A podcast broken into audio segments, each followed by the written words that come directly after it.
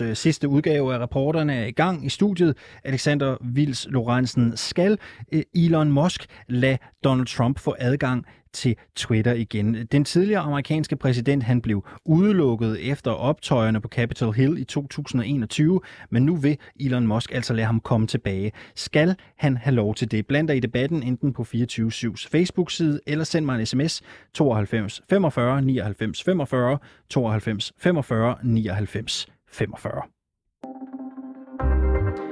Og så skal vi en tur til Slotsholmen, for børne- og undervisningsminister Pernille rosenkrantz teil bliver presset af det radikale venstre til at ændre i en omstridt aftale om fremtidens gymnasieelever.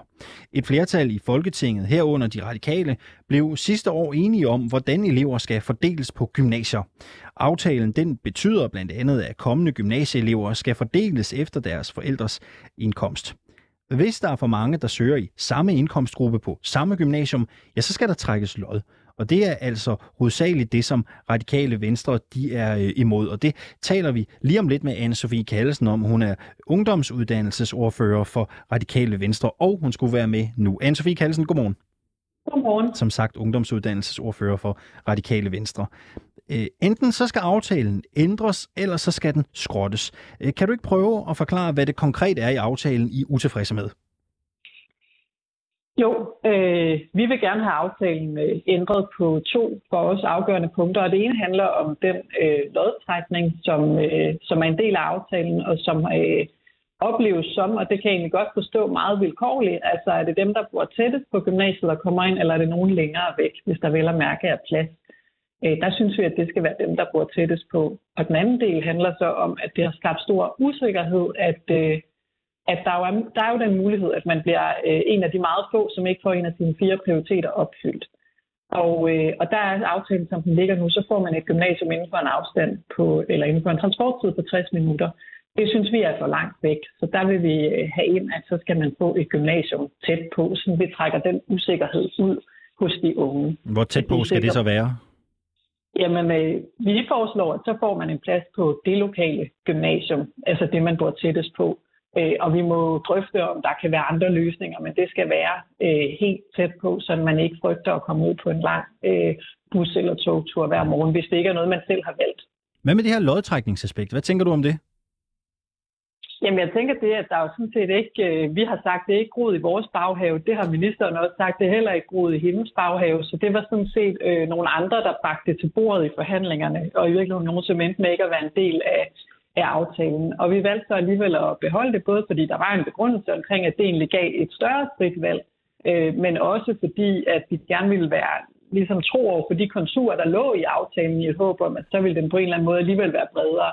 Men det, der er vigtigt, det er jo så, at nu har vi lyttet til den kritik, der er kommet øh, fra elever og forældre, og også fra nogle rektorer omkring, øh, at, øh, at det giver bare ikke rigtig mening, at det er nogen, der bor længere væk, der kan få en forlomme i forhold til nogle af dem, der faktisk bor tættere på skolen. Som du selv siger, Anne-Sophie Kalsen, så har I selv været med til at indgå aftalen sidste år. Altså, havde I glemt at læse papirerne, eller hvad er årsagen til, at I ikke vil være med længere? Jamen, vi vil gerne stadig være med. Øh, vi vil gerne have nogle ændringer. Og nej, vi havde ikke øh, glemt at læse papirerne, men, øh, men man kan sige, at den ene ting, som handler om de meget få elever, som ikke får en plads på det lokale gymnasium, der må vi sige, det har skabt en meget stor usikkerhed, om man bliver en af de få, Øh, og det lytter vi nu til. Den anden del handler om lodtrækning. Det vidste vi godt hvad indeholdt, men vi havde egentlig et ønske om at efterkomme øh, de ønsker, der havde været for nogle andre i forhandlingerne, også selvom de endte med at forlade dem, og det kan måske lyde lidt mærkeligt, men det var jo fordi, vi egentlig gerne ville have en bred aftale. Så det var en kamel, I var villige til at sluge? Ja, fordi vi ønskede en bred aftale, og selvom de så gik øh, til sidst, øh, dem der var med, så synes vi jo, at at det gav meget god mening at prøve at holde aftalen lidt der, hvor den var. Det må vi bare sige, det hensyn skal jo så ikke stå over, at der nu er rigtig mange, der synes, at den del er øh, grundlæggende svær at forklare, og så kan vi heller ikke forsvare Ja, det må man sige. Det er jo både blevet kritiseret af borgerlige politikere, forældre og gymnasieelever, og øh, der er simpelthen også øh, stillet et borgerforslag, der har 44.476 støtter, og det skal jo have 50.000, før det kan arbejde sig ind i Folketinget. Så der er stor modstand mod forslaget nu, så nu vil du ikke sluge kamelen alligevel. Er det sådan, det skal forstås? Nej, den del. Altså, men grundlæggende så mener vi jo, at der er behov for en aftale, øh, der fordeler eleverne på landets gymnasier bedre, så vi ikke får A- og B-skoler. Ja, ja, det, jamen, det er jeg med på. Det er bare lige løse. fordelings, det er fordelingsaftalen, Ja. som I først gerne ville sluge. Den vil I ikke sluge nu, hvor øh, f- øh, godt jo, 50.000... jo. Vi vil gerne være en del af en elevfordelingsaftale, men den del, der handler om lodtrækning, og den del, Ja. der handler om den maksimale transporttid, det er det, vi gerne vil have ud af aftalen. Kan du prøve at beskrive for mig, hvad det er, der sådan har ændret sig fra I øh, indgik aftalen til nu? Hvad er det, der har gjort, at I ikke vil mere? Øh, det element. Ja, det er to elementer. Øh, jamen, det ene er jo, at øh, det med lodtrækning, som jeg sagde, det var ikke vores idé, og der er jo virkelig ikke nogen, der forsvarer det i dag. Øh, og derfor er der heller ikke nogen grund til at beholde den del for at være lojal over for øh, et ønske, der kom frem i forhandlingerne, men som ingen længere har. Øh, og nu er vi jo i gang med, at vi har haft øh, lovforslaget ind og have det første behandlet, og det er sådan set nu, det giver mening også at stille nogle ændringsforslag. Og det er jo egentlig det, vi, Mm. vi ønsker, at vi får mulighed for. Vi skal selvfølgelig enes dem, der er med i aftalen først. Og den anden del handler om den maksimale transporttid. Øh, og der kan du have ret i, jamen det vidste vi også godt. Øh, men jeg synes, at den usikkerhed, der er skabt, selvom det drejer sig om meget få elever, øh, og så kan man sige, at for de elever, der er det jo, de er måske en del af 2 procent, der ikke får opfyldt nogen af deres ønsker. For dem er det 100 procent af deres gymnasietid. Og der øh, har vi lyttet til den kritik og sagt, at vi vil gerne øh, tage et større hensyn til det lille mindretal, fordi hvis det ikke er noget, man selv har ønsket, så skal man jo ikke ud på en lang øh, rejse hver dag. Vi vil så gerne bevare et frit valg, så vil man gerne gå i gymnasiet et andet sted, så skal man have mulighed for det. Så det, er- det, det er i virkeligheden den folkelige modstand, der har gjort, at I gerne vil have ændret aftalen? Eller vil trække jer? Jamen, det er øh, den del af modstanden, hvor at jeg synes, det er, øh, altså, hvor argumenterne jo er gode at resonere. Øh, det er jo ikke grundlæggende, at, øh, at vi ikke mener, at der skal være en Nej, nej, elevfordelingsaftale nej. i det hele taget. Øh, så det er jo øh, de dele, hvor vi må sige, at det er faktisk svært øh, at forklare. Og især det med lodtrækningselementet, som jo, som jeg har forklaret et par gange, kom ind i forhandlingerne øh, af nogle andre, og det var aldrig et ønske, vi havde. Der er noget, jeg ikke forstår, ikke? Altså, når man, og det kan godt være, at det er mig, der bare er uvidende i forhold til, hvad der sådan ligesom sker på Christiansborg. Øh, rigtig mange rektorer og elever, de har rettet kritik af det her.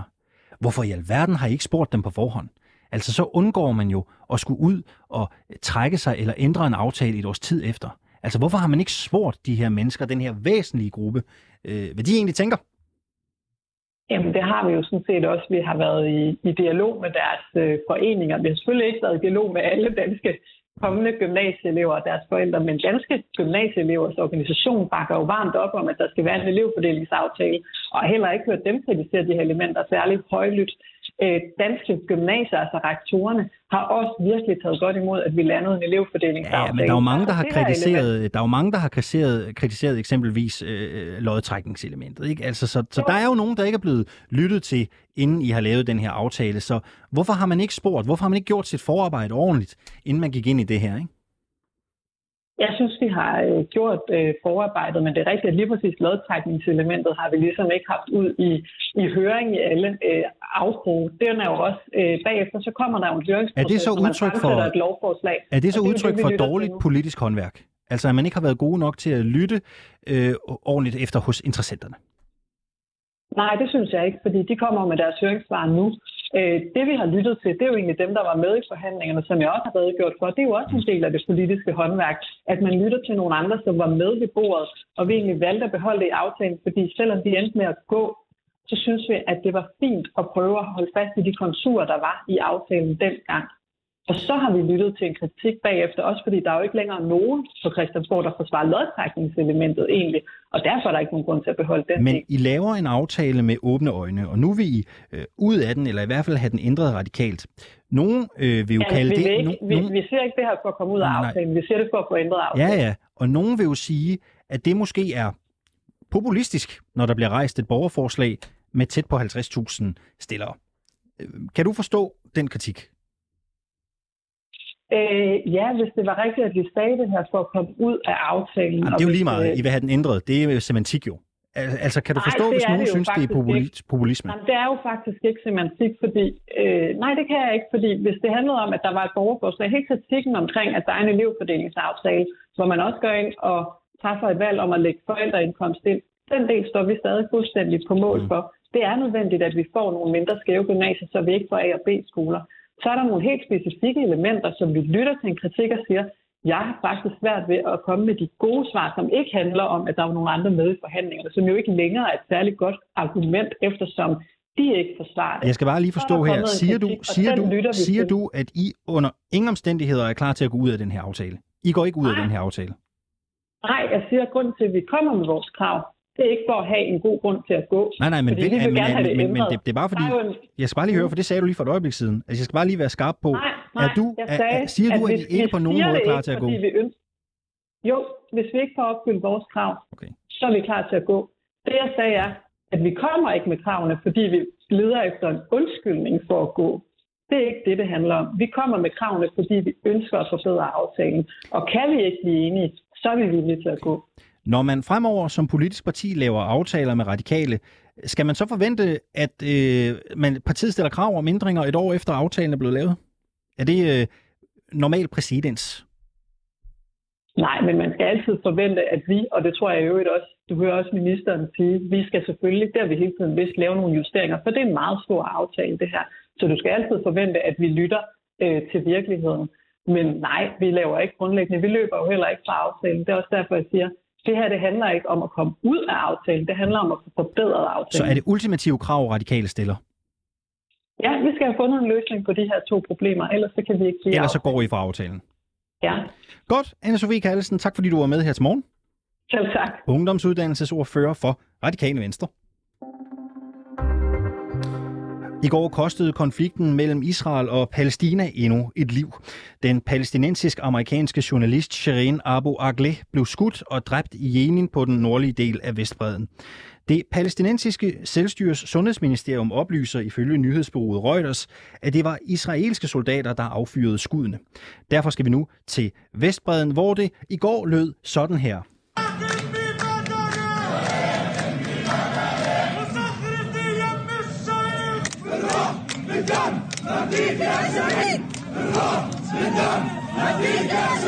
Laura Kirkebæk, godmorgen. Godmorgen. Du er journalist, og du arbejder i øjeblikket i NGO'en Det Danske Hus i Palæstina i Ramallah, blot to timer fra Jenin. Øh, I går eftermiddags, der stod du foran mediet Al Jazeeras kontor i øh, Ramallah. Øh, jeg spiller lige det klip her, vi hørte for et øjeblik siden igen, og imens så øh, siger jeg selvfølgelig, at du ikke udtaler sig på vegne fra Det Danske Hus, men som journalist. Vil du ikke fortælle os, hvad det er, vi hører i klippet her? Øh, jo, altså det var jo en, øh, en en stor flok mennesker, der var samlet foran øh, Al Jazeeras øh, øh, hovedkontor i Ramallah, hvor øh, Shireen Abu Akleh hun øh, plejede at arbejde, og øh, folk var samlet der, fordi de simpelthen bragte hendes, øh, hendes lig øh, ind på kontoret og ud igen og bare det rundt øh, i gaderne i Ramallah for at hylde hende. Hvordan reagerede folk omkring dig i går, da det kom frem, at den her journalist var blevet skudt?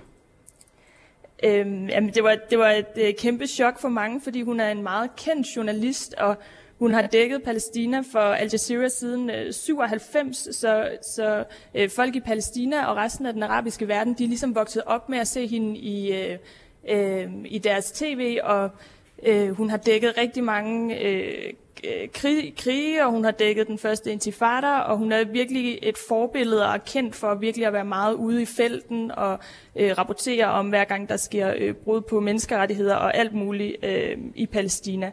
Så det var et kæmpe chok for mange, øh, at hun blev dræbt i går. Og hvad har folk sagt, øh, hvis du skal sætte nogle ord på det? Hvad har reaktionerne været?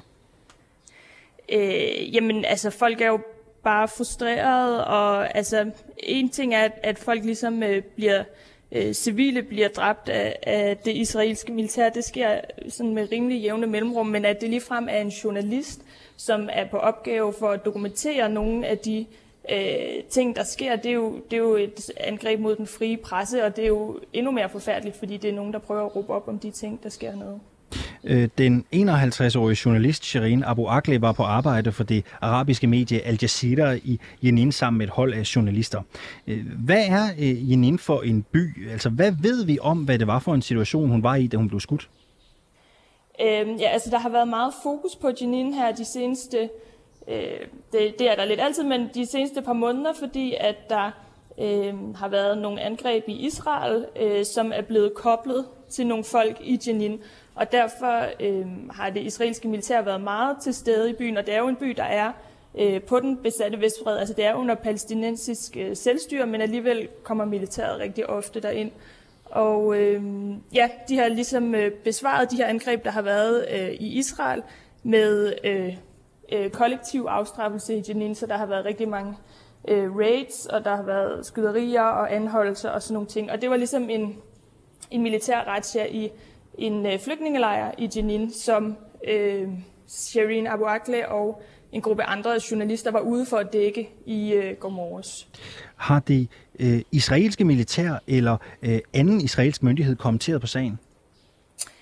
Øh, ja, altså det, der, det, det som øje, øjenvidner og de andre journalister, som hun var afsted med, de fortæller, det er, at hun ligesom har haft, øh, altså hun har haft skudsikker vest på med presselogo, og hun har haft hjelm på, og, øh, og er alligevel blevet skudt øh, lige bag øret, så, så øh, altså det, for mange ser det ud som om, at, at der ligesom er blevet skudt direkte efter hende og skudt for at dræbe.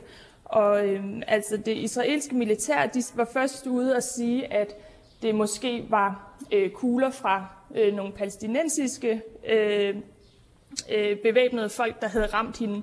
Og de lagde en video op, hvor der var skyderier i Jenin i går mellem militær, øh, militæret og nogle bevæbnede palæstinenser. Men øh, det er så af flere menneskerettighedsorganisationer blevet øh, afkræftet. Altså det fandt simpelthen ikke sted, samme sted.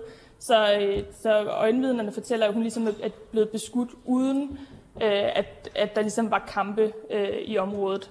Og øh, så nu har øh, militæret lidt trukket den der øh, forklaring med, at det skulle være en palæstinenser, der havde skudt hende tilbage. Og de siger, at, øh, at øh, lige nu øh, ved de ikke, øh, altså kan de ikke sige med sikkerhed, hvem der har skudt hende, men de har ligesom gang i deres egne undersøgelser øh, af, hvad der er sket. Ved samme episode, der blev en anden palæstinensisk journalist, Ali Samoudi, der arbejder fra mediet Al-Quds, og skudt og såret. Hvordan reagerer lokalsamfundet, når noget som det her sker? Øh, øh, folk bliver jo meget frustreret, både fordi, at øh, det sker, det er jo rigtig tragisk i sig selv, men også fordi, at øh, de har en opfattelse af, at det ligesom er øh, tit er svært at råbe øh, øh, hvad hedder sådan noget, samfundet op, og det er ikke første gang, at palæstinenser, øh, palæstinensiske mediefolk bliver dræbt af militæret. Det, det er sket rigtig mange gange før, og så, altså for bare ret præcist et år siden blev der, var der et øh, mediehus i Gaza, som blev bombet, som blandt andet også huset Al Jazeera og, øh, og AP, og der er også engang i en intern undersøgelse, men, men der er ikke kommet noget ud af det endnu, så folk har lidt, de har ikke en stor tiltro til, at øh, militærets undersøgelser ligesom øh, øh, kommer frem til nogle troværdige øh, øh, ja, konklusioner. Så det er i virkeligheden normalt, altså hvis man kan stille dig det spørgsmål, er det øh, normaliseret, at, øh, at journalister bliver, øh, bliver dræbt? Øh, der er i hvert fald flere end 50 palæstinensiske journalister, der er blevet dræbt øh, af øh, militæret siden år 2000. Og øh, øh, den organisation, der hedder øh, IFJ, øh, International Federation for Journalists, de øh, har i gang øh, i en sag mod den internationale straffedomstol, hvor de anklager øh, Israel for systematisk at målrette øh, palæstinensiske journalister, og de, øh, og de, de mener ligesom, at det, at det udgør uh, krigsforbrydelser. Du er selv journalist. Hvordan påvirker det dig, når noget som det her sker i nærheden af, hvor du opholder dig? Øhm Ja, det er svært at være, altså det påvirker en virkelig meget, fordi at det påvirker alle meget, og det er ligesom den virkelighed, man lever i, når man er på Vestbreden, at der sker sådan nogle her ting øh, ret ofte, og det er også lidt øh, uhyggeligt, hvor hurtigt man egentlig bliver en lille smule vant til at høre om det, men altså det er jo forfærdeligt øh, hver gang det sker, og det påvirker en virkelig meget, og, øh, og så især når det er, når det er mediefolk, så, så, så er det jo ekstra slemt, fordi det er folk, der ligesom prøver at fortælle om situationen til omverdenen. Laura Kirkebæk, journalist og ansat i det Danske Hus i Palæstina. Tak fordi du var med øh, her til morgen fra øh, Vestbreden, og øh, pas godt på dig selv. Tak for det.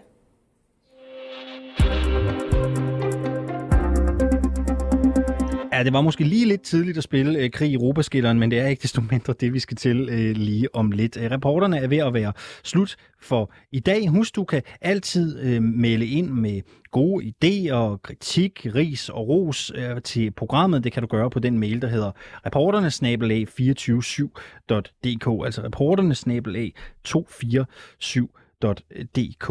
Øh, Mathias Damborg har produceret programmet øh, her til morgen, en hektisk morgen. Han har været en, dejlig dreng ude i regien, det er der absolut ikke nogen øh, tvivl om. Jeg hedder Alexander Vils Lorentzen, og øh, reporterne går på øh, en lille stor bededagsferie. Nu er vi tilbage igen på mandag, forhåbentlig med fuld bemanding og Cecilie Lange i studiet igen.